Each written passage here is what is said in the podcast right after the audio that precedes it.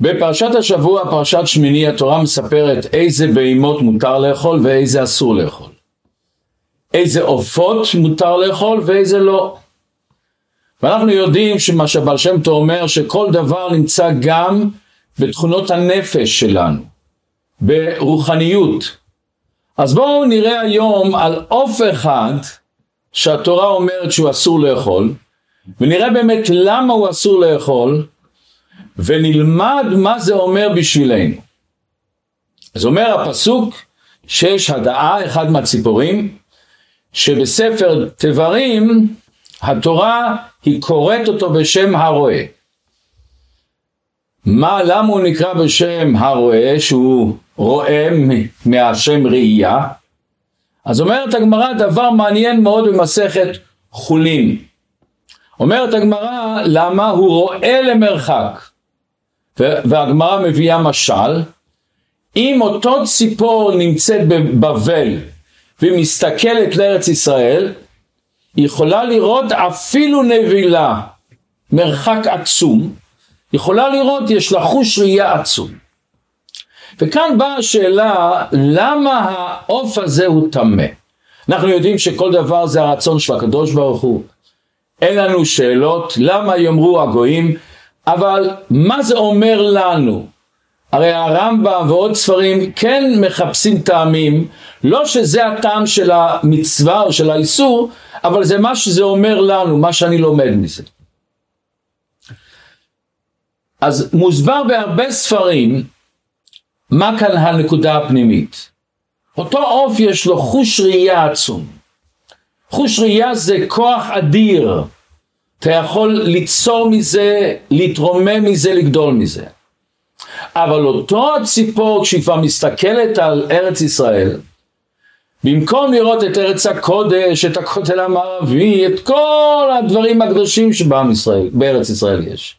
מה היא רואה? נבילה. ואנחנו כולנו מיד מבינים את המסר. יש אנשים שתמיד מחפשים ביקורת. הם מתלוננים קרונים, הם תמיד יחפשו את השלילה. ויש להם חוש נפלא בכל דבר, במשפחה שלהם, בחברים שלהם, בבית כנסת שלהם, במוסד שלהם, בכל מקום הוא תמיד ימצא ביקורת. הוא תמיד ימצא מה להתלונן. ומולו יש אנשים אחרים, אבל הוא באיזשהו מקום יש לו הצלחה נפלאה, תמיד למצוא את השלילה. יש לו דברים שמניעים אותו לזה, אבל זה נסתר, אף אחד לא רואה את זה. בחוץ הוא בטוח שזה הנקודה האמיתית. אנחנו יודעים שלכל בן אדם יש חיסרון. אין צדיק בארץ אשר יעשה טוב ולא יחטא. אבל למה לראות רק את הרע? תראה גם את הרע, והוא תמיד אחרת.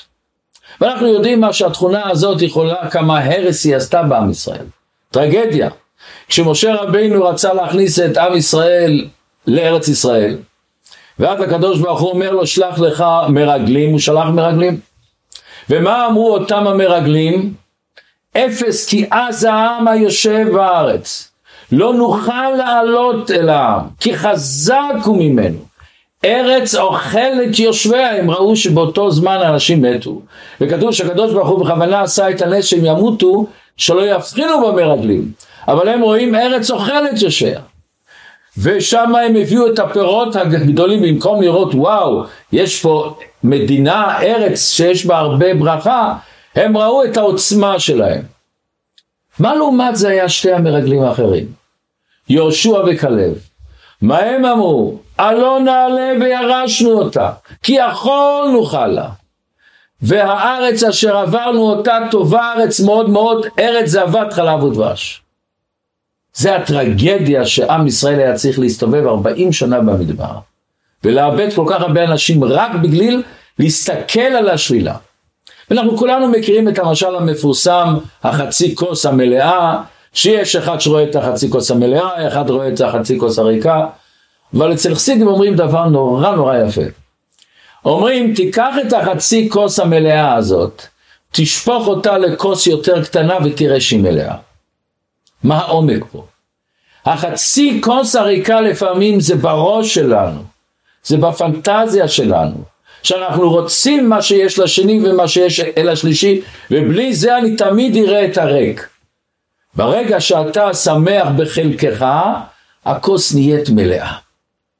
אבל פה יש שאלה יפה. למה אומרים שאותו ציפור נמצאת בבבל והיא מסתכלת לארץ ישראל? למה לא הפוך? נגיד שהיא נמצאת בארץ ישראל ומסתכלת לבבל. מה הדיוק הזה כאן? אומר הבעל שם טוב הקדוש דבר מעניין. אומר הבעל שם טוב, אדם שאינו הגון נקרא בבל, כי עומדים בשטותים והבלי העולם מבולבלים. זה לא סתם בבל, יכול להגיד מצרים או מקום אחר. בבל זה בא מהמישון מבולבל, בלבול. אין אדם רואה אלא, אלא מהרהורי ליבו, אדם רואה מה שיש לו בפנימיותו. ולא תטורו אחרי לבבכם ואחרי עיניכם.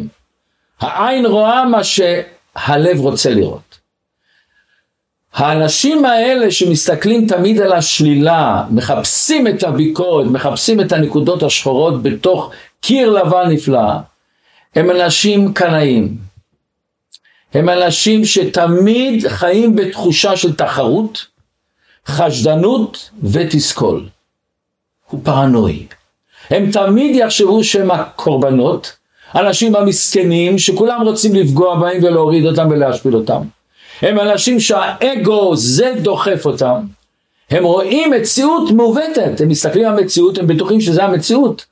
אבל בגלל המבט השלילי, הם מעוותים את כל המציאות. האגו משנה להם את המציאות.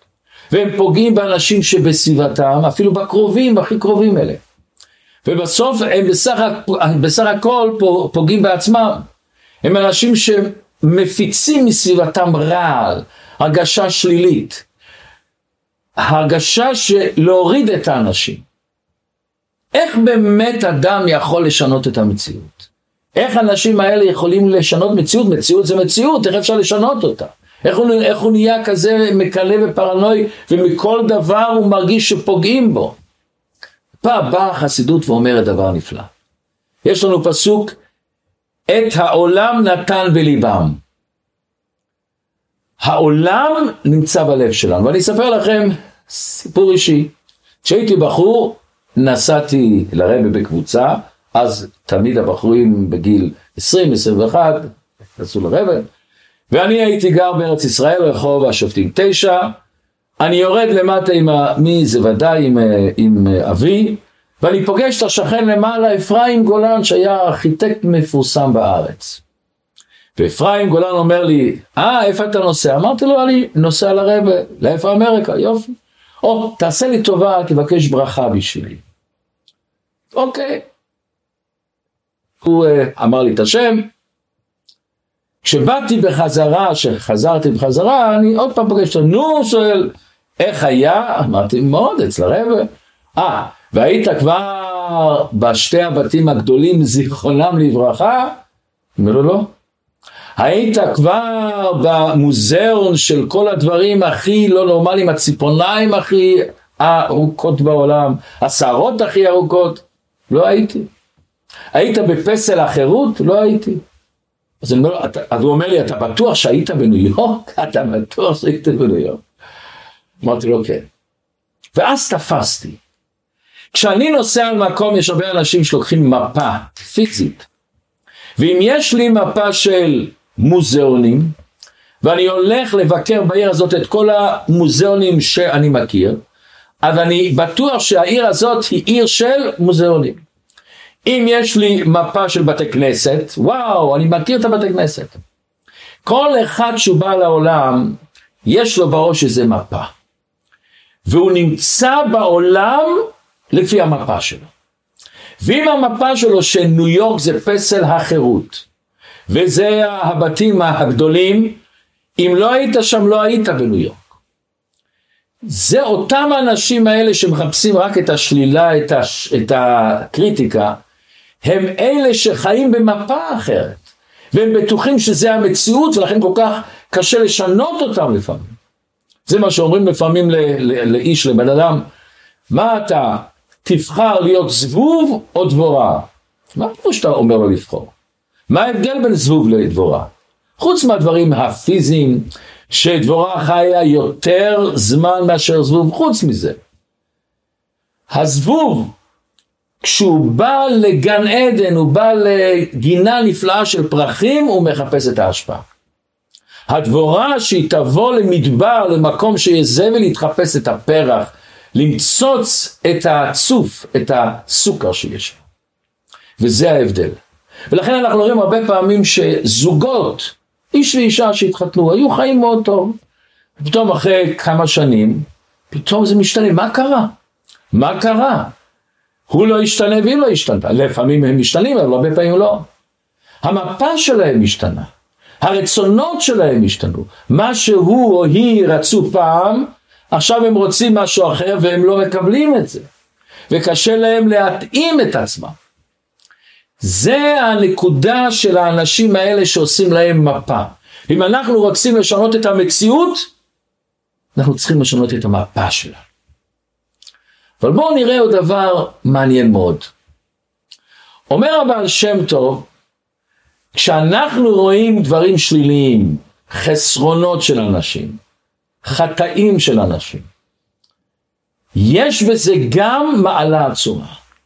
יש בזה גם דבר נפלא בשבילנו שיכול לעזור לנו. אז הוא אומר ככה, יש לנו משנה, מסכת נגעים, כל הנגעים אדם רואה חוץ מנגעי עצמו. אבל שם טוב שם את הפסיק לא במקום שאנחנו קוראים. הוא אומר ככה, כל הנגעים אדם רואה בחוץ, מה הוא רואה? נגעי עצמו. זאת אומרת, אם אני רואה חיסרון בשני, אם אני רואה דבר שלילי בבן אדם השני, יש את החיסרון הזה אצלי גם. מכיוון שבאיזשהו מקום אם הייתי מושלל מזה, לא הייתי יכול לראות. לא כמובן שיש לי את אותו חיסרון, את אותו בעיה, אבל יש לי מעין דמעין דמעין בעיה. זאת אומרת שבאיזשהו מקום השני אומר הבעל שם טוב הוא רואה שלי, הוא ראי שלי. כשאני מסתכל עליו ואני רואה חיסרון, אני בעצם רואה מה שיש לי.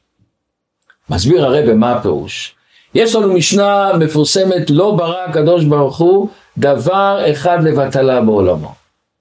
כל דבר זה השגחה פרטית, כל דבר אני יכול לשמש אותו לקדושה. כל מה שברא הקדוש ברוך הוא לכבודו. אז למה הקדוש ברוך הוא עשה שפתאום אני רואה חיסרון? איך אני יכול להשתמש עם זה לחיוב? פשוט מאוד. כשאני תופס, אם אני רואה את החיסרון, השם מעביר לי מסר. השם כל הזמן מדבר איתנו, בשפה שצריכים לשמוע, להבין, להקשיב אותה. והשם אומר לי, אתה רוצה לדעת את החיסרון שבך? תסתכל על השני, אם אתה רואה בו חיסרון, תדע לך שיש בך מעין דמיין החיסרון. כמו שאומר הזוהר הקדוש, בן אדם אחד שראה מישהו מחלל שבת, והוא התחיל לחשוב איזה חיסרון יש לי, הוא תפס שהוא השתמש בתלמידי חכמים, וכתוב שתלמיד חכם נקרא שבת, זאת אומרת שהוא חילל את השבת, הפלא ופלא. ופעם ישבנו בהתוועדות, ישב איזה בחור צעיר, לא הכי מוכשר, לפעמים אתם רואים, ואז אני אומר את הוורד הזה, ואז הוא אומר לי, הרב זה משנה מפורשת, איזה משנה אני שואל אותו. איך כתוב במשנה, איזו חכם הלומד מכל אדם. אתה מסתכל על הבן אדם השני, אתה רואה את זה עליך. וואו, יופי. אבל פה באה השאלה שאני בטוח שכל אחד ואחת שפה בשיעור מיד עולה בראש. מה זאת אומרת, שאני רואה חיסרון בשני, אני מיד צריך לחשוב איפה החיסרון הזה בי? לא יכול להיות שאני רואה את החיסרון בגלל להוכיח, תוכיח את עמיתך, אני צריך להוכיח אותו. אני צריך להשפיע עליו שלא יעשה את אותו חטא. למה ריבונו של עולם אני אומר לא לא לא המטרה של זה בשביל שאני אראה את החסרונות שבי אני צריך להוכיח אותו. יש לנו מצווה בתורה הוכח תוכיח את עמיתך. אם אני רואה מישהו שפגע בילדים שלי, שפגע במשפחה שלי, שפגע במוסד שלי, אני לא צריך להוכיח אותו? אני לא, אני לא צריך לגעור בו, אני לא צריך לומר לו הדבר שעשית לא בסדר. וכי משה רבינו לא הוכיח את עם ישראל. הבעל שם טוב שאמר את הוורט הזה, את הנקודה הזאת, הוא גם הוכיח. אז מה זאת אומרת? איך זה מתאים עם זה? מסביר הרי בדבר נפלא, ואני רוצה לפני זה להקדים סיפור. היה משפחה, משפחה מאוד טובה, שהאישה הייתה מורה, ופעם אחת היה ביניהם קצת איזה אי הבנה, ואז הם באו אל הרב ושפכו את הלב. ואז האישה אומרת, אני מאחרת לפעמים לבית ספר. ובדרך כלל המנהל לא תופס אותי. פעם אחת באתי לבית ספר, והמנהל ראה אותי שאני באתי מאוחר. בהפסקה שכולנו היינו בחדר מורות, המנהל נכנס ונתן לי, כמו שאומרים, מין מי שברך, איך איזה הפקרות זאת, איך אני לא לוקח את העבודה שלי ברצינות, אה, כל הילדות מחכות לי, נתן לי מתן. באתי הביתה, נפגעתי עד עומק נשמתי, כל המורות הסתכלו עליי ו- ודיברו, והרגשתי שאני רוצה להיקבר. באתי הביתה, אני אומר את זה לבעלי היקר, ובעלי אומר לי, הוא צודק, הוא צודק, את צריכה לקום בבוקר יותר מוקדם, את צריכה לעשות את זה. ואז פרצתי בבכי, איך הוא לא מבין אותי, איך הוא לא מרגיש אותי, פרצתי בבכי. והבעל אומר, אני לא מבין מה היא רוצה. המנהל צדק, היא מקבלת משכורת, זה אחריות, כל הבנות מחכות לה, איזה חינוך זה, איזה הרגשה זה, מה, מה היא רצתה שאני אגיד? שהוא לא צודק, שאני, שאני אבוא אליו להגיד שהוא לא צודק, מה, מה היא רצתה? מה באמת היא רצתה? עכשיו באה השאלה, כשהבעל שומע כזה דבר, מה הרגש שמתעורר בו? הרגש שהתעורר בו זה שהמנהל צודק, היא לא בסדר. ואז הוא מגן על היושר, על הצדק. אבל מה הוא צריך היה להרגיש? צריך להרגיש, אשתי מאחרת. איך אני מתקן את זה? איך אני משנה את המצב? איך אני גורם שזה לא יקרה עוד פעם? ואז היה נפלא שאם הוא היה אומר, אוי ויי, הצטערת מאוד, אני מתאר לעצמי שכל המורות יסתכלו עליי, דבר ראשון תשתתף בצער של השני, תתחבר אליו, תרגיש עליו, ואז ברגע שאתה מרגיש אותו, הוא נפתח הלב שלו נפתח. ואז אחרי זה אולי היית אומר, את יודעת מה, אני גם אקום קצת יותר מוקדם לעזור לך, לעזור לך להכין את האוכל, לעזור לך לסדר את הבית, מה שלא יצטרך, בכדי שתבואי בזמן לבית ספר. זאת אומרת, כשמתעורר אצלי חוש ביקורת, מישהו עשה דבר לא טוב, איזה הרגשה מתעורר לי? הרגשה של כעס, הרגשה של חלילה שנאה לשני, איך הוא עשה כזה חטא, כזה פשע, איך הוא הזיק, איך הוא התעלל, לא חשוב מה, איזה דבר שלא יהיה. או ההרגשה שמתעוררת בי זה משהו אחר לגמרי. ההרגשה שלי איך אני משפיע על השני שהוא לא יעשה את זה. איך אני מתחבר אליו, ואני באהבה מרחם על הבעיה שלו, וננסה ביחד איתו לפתור את הבעיה. ואז שינית את המצב. הקדוש ברוך הוא עושה שאנחנו נראה דברים שליליים, הוכח תוכיח. מה זה הוכח תוכיח? כתוב בחסידות, דבר ראשון תוכיח את עצמך, תבדוק את עצמך. מה זה מעורר בך? זה מעורר בך שנאה, זה מעורר בך כעס, זה מעורר בך שאתה הולך לספר לכל השכנים מה שהבן אדם הזה עשה איזה חטא. שמעורר לך אני לא מתקרב אליו יותר, אני לא עושה איתו שום שידור עם כל המשפחה שלו. או זה מעורר בי רצון לשנות את המצב. אני מרחם עליו, אני אוהב אותו, אני רואה שיש בו המון טוב בדברים אחרים. למה לא להשתמש בטוב שלו שיוכל לשנות את אותו רע שיש? הוכח, תוכיח, תוכיח את עצמך, תבדוק את עצמך, ואז אתה מוכיח את השני. ואז אתה יכול לשנות את השני. ואני אספר לכם סיפור נפלא. בארצות הברית הייתה משפחה שהיא שומרת מצוות, משפחה חסידית, ובת אחת מהמשפחה קצת ירדה מהדרך. והלכה בה עם חברות לא הכי טובות. ואבא הולך לרב של מה לעשות, שאני אשאיר אותה בבית, יכולה חלילה להשפיע על הבנות. ואז אומר לו הרב, לא, תשאיר אותה, אבל תשים לה כללים. שהיא צריכה בבית לאכול כשר, לשמור שבת, תשים לה כללים. הוא שם לה כללים, ואחד הכללים שהיא צריכה לחזור כל יום, לא יותר מאוחר מ-12 בלילה. היה תקופה שהיא החזיקה, ולאחרי כמה זמן היא לא החזיקה. והיא באה כבר ב-12 ועשרה, 12 וחצי, איחרה, איחרה, איחרה, איחרה. פעם אחת היא מגיעה באחד.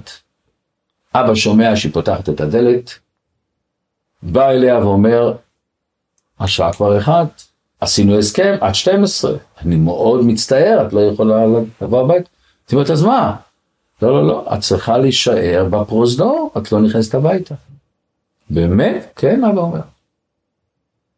ולא עובר כמה דקות, אבא מוציא מזרון ושם לה שמיכה ומזרון וקר. היא בשוק.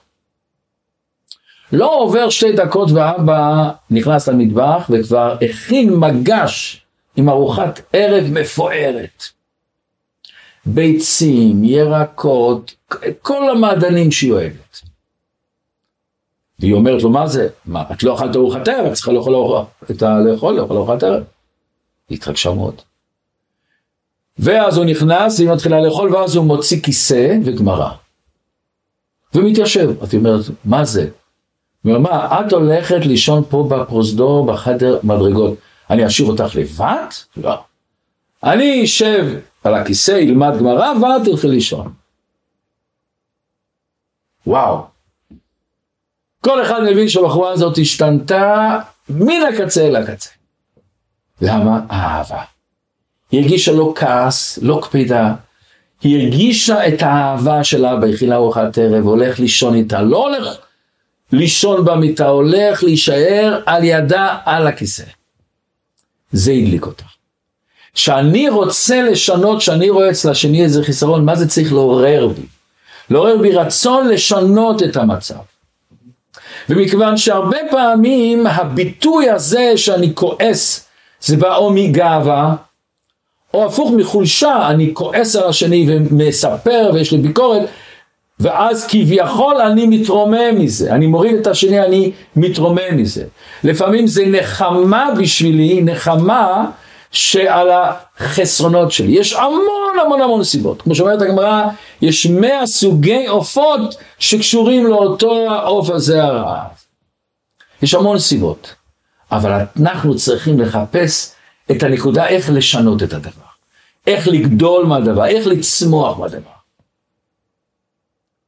וזה הבחינה הראשונה שלנו. תבחון את עצמך מה התגובה הספונטנית שלך. התגובה שלך זה כעס, התגובה שלך אני הולך לספר לכולם, יש לי מה להגיד, יש לי מה לכעוס, אני מרגיש יותר טוב, אני לא עשיתי את זה, או ההרגשה של אהבה, הרגשה שאני רוצה לשנות. בארץ ישראל יש אחד בעל תשובה שבא מפה, ובבית שלו שנכנסים בסלון, רואים פלקט שכתוב א', ב', ל', אבל בראשי תיבות. אז פעם שאלנו אותו, מה? מה זה הראשי תיבות האלה? אז הוא אומר, דבר ראשון, לפעמים אתם יודעים, קורה פעם ביובל, שבאים הביתה והאישה, או שהפוך, שהאיש לא הכי שבע רצון. והוא כועס או שהיא כועסת. ואז שאחד מהם כועס, אנחנו מסתכלים על הפלקט ואומרים, אבל מה זה? אבל אנחנו באבותינו חטאנו. כפרת עוונות. תיקח את זה טוב, כפרת עוונות. שואלים אותו, מה זה הראשי תיבות האלה? אומר, ראשי תיבות זה אני בחלוק לבן. מה זאת אומרת? שחס ושלום הבן שלנו נופל. אני לא צועק עליו, למה נפלת? למה נסעת ככה? למה הלכת ככה? נשפך דם, דבר ראשון אני עוזר לו. כשהרופא בא למישהו, הוא לא צועק עליו, למה עשית את זה, למה אכלת דברים לא בריאים, למה... הוא בחלוק לבן, בחלוק לבן יודע אני צריך לעזור. כשהשני במצב רוח לא טוב, כשהשני כועס, השני עצבני, אני צריך לראות אני בחלוק לבן. זה האבל בראשי תיבות, אני בחלוק לבן. וזה כשאנחנו רואים את היחס הנפלא של הרבי. הרבי הרי מצד אחד דיבר כמה שצריך לעשות יותר, וגם אמר, כמו שאומרים, ביקורת. אבל איזה ביקורת, איזה אהבה, איזה צער היה שיש מצב לא טוב בעם ישראל. איזה כאב הרבי דיבר. והרגישו את האהבה באוויר, לא היית צריך לחשוב על זה, הרגשת בדיבור שלו. רבי עמד חילק דולרים לכל אחד. לעמוד שעות שעות על הרגליים, ואיש לא צעיר. ורק אם אנחנו נעמוד על הרגליים שעות ורק נעשה ככה, רק להזיז את היד, כמה זמן אנחנו יכולים להזיז את היד? חצי שעה, שעה? לעמוד שעות שעות, למה? אז פעם הייתה איזו אישה ששאלה את הרבי, איך הרבי יכול לעשות את זה? רבי אמר שסופרים יהלומים לא מתעייפים. ופעם שמעתי מהרב ליברמן, זיכרונו צדיק לברכה, שאמר וורט נורא יפה. כשהפועל במשרד היהלומים סופר יהלומים, הוא רוצה שזה ייגמר כבר, הוא לא רוצה שזה יפסיק, הוא לא רוצה, הפוך, הוא נהנה שבעל הבית לא קנה סחורה אז אין לו עבודה. מי נהנה לספור את היהלומים? מי לא מתעייף? מי רוצה עוד ועוד? הבעל הבית.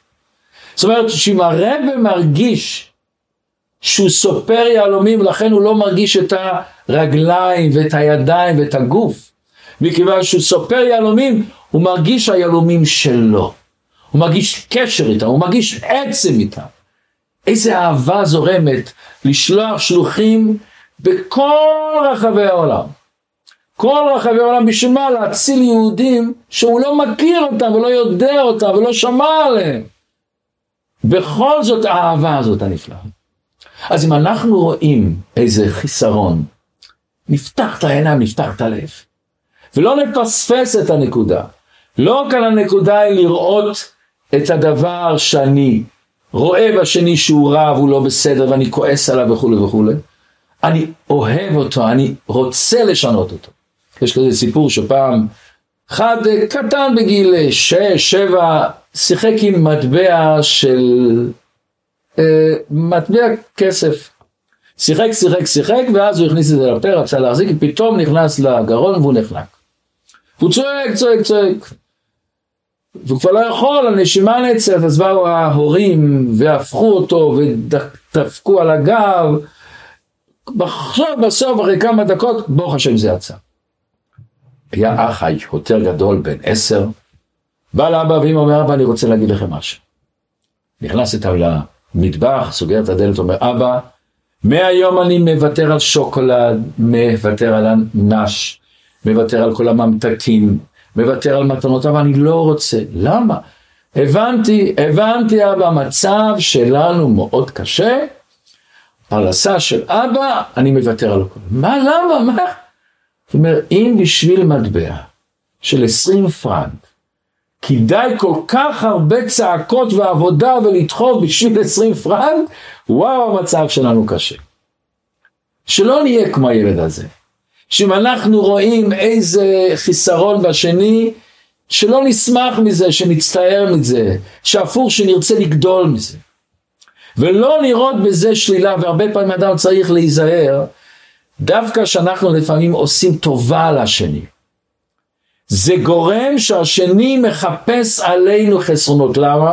באיזשהו מקום הוא מרגיש, אה, הוא עשה לי טובה, אני חייב לו. הוא יותר ממני, הוא נעלה ממני. מה הוא עושה בשביל להשקיט את ההרגשה הזאת? הוא מחפש בו חסרונות. יש כאן אה, סוחר, יהלומים, שלימד מישהו עבודה ביהלומים, איך לבקוע יהלומים. הוא לימד אותו שנה שלמה בלי כסף. בן אדם שאין לו פרנסה לימד אותו. בסוף השנה, אותו בעל הבית שלימד הביא לפועל מתנה. קופסה יפה, פותח את הקופסה, הוא רואה כזאת מאפרה עם אבנים קטנות, יש היום כאלה דברים שיש, רוצים לכבות את הסיגריה באבנים. אומר לו הפועל, רגע, אני לא מבין. דבר ראשון, אתה נותן לי מתנה, אני צריך לתת לך, אתה לימדת אותי שנה בלי כסף. ומה זה המאפרה? אני לא מאשר בכלל, למה מאפרה? אומר לו, תשמע, אני מפחד מאוד שהיצר הרע בשלב מסוים ידחוף אותך להסתכל עליי לא טוב. ידחוף אותך שכביכול לא עשיתי לך דברים טובים. ידחוף אותך לזרוק עליי אבנים. אז אני מכין לך אבנים קטנות שתזרוק עליי, לא אבנים גדולות. צריכים מאוד להיזהר, החוש הזה של ביקורת, מסתתר מאחריו לפעמים חולשות, הרגשות שליליות. אומר אבל שם טוב, אם אתה רואה איזה חיסרון בשני, דבר ראשון תסתכל על, עליך. ודבר שני, אל תסתכל איך להסתכל על השני נמוך, איך לשנות את החיים שלו. בואו נקרא קטע קטן מספר אוצר החיים של האדמו"ר מיקו מרנר, אחד האדמו"רים הגדולים. והוא כותב ככה, שהפסוק אומר תנו עוז לאלוקים על ישראל גאוותו. אז הוא אומר שאין לך איש הישראלי מפחותי ערך שלא יגיע ממנו התפארות לאלוקים. איך כתוב תנו עוז לאלוקים על ישראל גאוותו, השם מתגאה בנו. והקדוש ברוך הוא משתעשע בו, אלא שהוא נעלם, כפי שהאדם יעשה לשם שמיים בלב שלם וברוח נמוכה. אבל בעצם השם מתגעגע מכל אחד. הוא ממשיך הלאה. וכל המבזה לשום בר ישראל, לשום אחד מישראל, אף בלב, אם רק בלב הוא מבזה אותו, עליו נאמר במשלי תועבת השם כל גבל לב. אלא בלב שמח יקשר עצמו עם כל ישראל עד שיזכה שלא יראה על ישראל רק טוב. אתה צריך לראות את הטוב בעם ישראל. ואם אתה רואה את השלילה, תסתכל איך הוא יכול להתגבר. תסתכל כמה שהוא יכול לגדול מזה לפרוע. את הפוטנציאל שלו להיות בעל תשובה שיותר יותר מהצדיק. איך אנחנו באמת צריכים להגיד ביקורת? איך אומרים ביקורת? זה לא הרגשה לתת אל השני כמו שאומרים בראש, אלא הפוך, לתת לו אהבה. אני צריך להיכנס לראש של השני, איזה מילים יעשו לו השראה להשתנות. אני צריך מאוד מאוד להתרכז, ללמוד את השני כמו שלומדים סוגיה גמרא עמוקה. ללמוד אותו איך אני נכנס ללב שלו. איך אני מפעיל בו אנרגיה חיובית, מוטיבציה להשתנות. ותראו איך שהתורה אומרת. אותו פסוק שהתורה אומרת, תוכיח תוכיח את עמיתך, מה התורה מקדימה? לא תשנא את אחיך בלבביך, הוכח תוכיח את עמיתך, ולא תישא עליו חטא. דבר ראשון הפסוק אומר, לא תשנא אותו, אתה צריך לאהוב אותו. לפני שאתה מוכיח, אתה צריך לבדוק מאוד אם אין לך איזה כעס פנימי עליו, איזה קנאה, איזה, איזה הרגשה שלילית עליו. ואז תוכיח, אבל כשאתה מוכיח לא תישא עליו חטא. מה זה לא תישא עליו חטא? הדבר הראשון אומר, לא תשנא את אחיך, תרגיש אותו כמו אח. את עמיתך, כמו חבר טוב שלך. ודבר שני, דבר שני, לא תישא עליו חטא, אל תוכיח בצורה שהוא יכעס. אל, אל תוכיח בזמן שהוא לא מסוגל לשמוע. כתוב שמשה רבינו הוכיח את עם ישראל על העגל 40 שנה אחר כך ריבונו שלנו. הוא חיכה 40 שנה, למה הוא ידע הם עוד לא כלי לקבל את התוכחה. כשאתה מוכיח תהיה בטוח שהשני מסוגל לשמוע את זה. ובואו נראה דבר מעניין, הרי היו שנים שבעם ישראל היה את העניין של צרה. מי שדיבר ללשון הרע, הוא קיבל צרת, הוציא אותו מחוץ למחנה, כמו שהוא הפריד בין אנשים, ככה הוא יוצא מחוץ למחנה, לעשות תשובה. כתוב הפסוק, טמא טמא יקרא. הוא קורא טמא טמא. אז פשט אחד אומר, שברגע שהוא רואה שאנשים מתקרבים אליו, הוא צריך לקרוא טמא. שהוא טמא, שהם צריכים להיזהר להתקרב אליו. אומר השלה הקדוש. מה הפירוש? אומר השלה הקדוש, המצורע הזה זה לא סתם לצאת למחנה. הוא צריך לבדוק את החסרונות שלו. מה השורש זה, מה המקור הפסיכולוגי שהוא פגע בשני, שהוא דיבר לשון הרע השני. ולא רק לדעת, לתקן, להיות מודע לזה. ורק כשהוא יהיה מודע לזה, כמה הוא עשה צער לשני, הוא יגלה את ההרגשה, את, ה, את האמפתיה אל השני, אז הוא יכול לשנות את עצמו, אז הוא יכול להרגיש. אבל יש עוד פירוש. טמא טמא יקרא, אומרים לו, אתה יודע למה אתה קיבלת את הצהרת? מכיוון שאתה קראת טמא טמא. כשהוא דיבר את הלשון הרע, מה הוא רצה? הוא רצה להגיד שהשני טמא. הוא לא רצה לתקן אותו, הוא רצה רק להפיץ לספר, יש הרבה אנשים שנהנים לדבר לשון הרע. מה התאווה הזאת של לשון הרע? אתה לא מקבל מזה שום דבר. אתה מגיד באיזשהו מקום אתה מוריד את השני ואתה חושב שאתה מתעלה. ואתה לא מרגיש לפעמים שאנשים הפוך מסתכלים עליך יותר נמוך. תעשה ביקורת בונה. ביקורת בונה תעשה במבט שלהם, איך שהם מסתכלים על דבר. איך שהם רואים את הדבר, איך שהם יכולים להקשיב לי. אני אספר לכם סיפור. היה לי בכיתה שלי, למדתי באי סודתי התורה, היה בחור שאני מכיר את, אני זוכר את שמו, אבל כמובן לא נגיד, אבל לא היה וילדחי, היה שחקן כדורגל משהו משהו, אבל וילדה. והוא בכיתה הרבה פעמים הפריע, והמורה שלנו היה מורה זהב, שהעביר על מידותיו. פעם אחת הילד הזה, לא פחות ולא יותר, נעמד, לוקח כיסא, זורק על החלון, התפוצץ החלון. ואותו מורה חייך, אומר, וואו, אתה יש לך חוש לקלוע מטרה, והעביר הלאה. ואני ידעתי מה, מה הסיפור. אותו הרב ידע בדיוק מה בחוץ שכזה עובר, והבית שלו היה בית קשה מאוד. והוא הסתכל עליו בעין חיובית. בסופו של דבר הבחור שכזה נהיה אחד הבחורים הכי טובים בבית ספר. לקח שלוש שנים, אבל בסוף צמח פרח. הוא כל הזמן בחן את המנהל ואת המורה, אתם אוהבים אותי באמת? הוא בכוונה לפעמים עשה דברים שליליים בכדי לראות כמה שהם באמת אוהבים אותי. היה לי לפני הרבה שנים בחור שהיה סכסוכים עם, עם אביו, אבא שלו, ודיברתי עם אבא, דיברתי עם, עם, עם הבחור. פעם אחת היה בבא אומר, זה כבר עבר את הגבול. מה עבר את הגבול? הוא אומר, הוא לקח חמש אלף פרנק לפני האירו, היה שטרות של פרנק. חמש אלף פרנק, לקח גפור ושרף אותם בעיניים שלי. ואני זרקתי אותו מהבית, הוא, הוא משוגע לגמרי. ואני קורא אל הילד. מה? אומר, תראה, אתה כל הזמן אומר לי, אבא אוהב אותי, אוהב אותי. רציתי לבחון מה אוהב יותר. את החמש אלף פרנק או אותי. הוא זרק אותי מהבית. הילד בוחן אותנו לפעמים. ואנחנו צריכים להיות מספיק פיקחים, מספיק חכמים, מספיק רחבי אופקים לראות מה הוא עובר. וזה מה שאומרת לנו התורה, תראה את השלילה, אבל תראה את השלילה שיש בך, ותראה את השלילה בכדי לתקן אותה, בכדי לצמוח איתה, בכדי לגדול אותה. זה מה שכתוב, אומר הבעל שם טוב, למה כתוב, היא נמצאת בבבל ומסתכלת על הנבלה בישראל, היא בבל, מש... זה המציאות שלה, היא מבולבלת. ההרגשות הפסיכולוגיות שלה, הקינה, הפרנואי שלה, כל הדברים האלה משגעים אותה לגמרי. אבל יש עוד וורט יפה של מאיר שפירא על אותו שאלה. הוא אומר, יש אנשים שמחפשים חסרונות.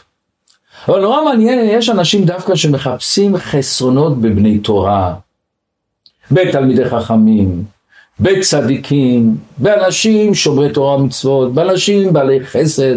למה הוא מחפש דווקא בהם? יש אנשים שדווקא אוהבים את אלה שנראה כאילו הם מעליו יותר גבוהים, שם הוא הולך. אומר מאיר שפירא זה מה שכתוב. הוא בבבל והיא מסתכלת אותו הציפור על ארץ ישראל, ארץ הקודש. ומה היא רואה בארץ הקודש? היא מחפשת את הנבלה. שהשם ייתן לנו לכולנו עין טובה. ועין טובה כתוב מביאה ברכה. ולמי שיש עין טובה יכול לברך. אז כל פעם שיהיה לנו עין טובה ונברך את כל הסביבה שלנו. נעיר מסביבתנו רק קדושה, הרגשה טובה, השראה להתעלות, שנזכה בקרוב ממש לביאת משיח.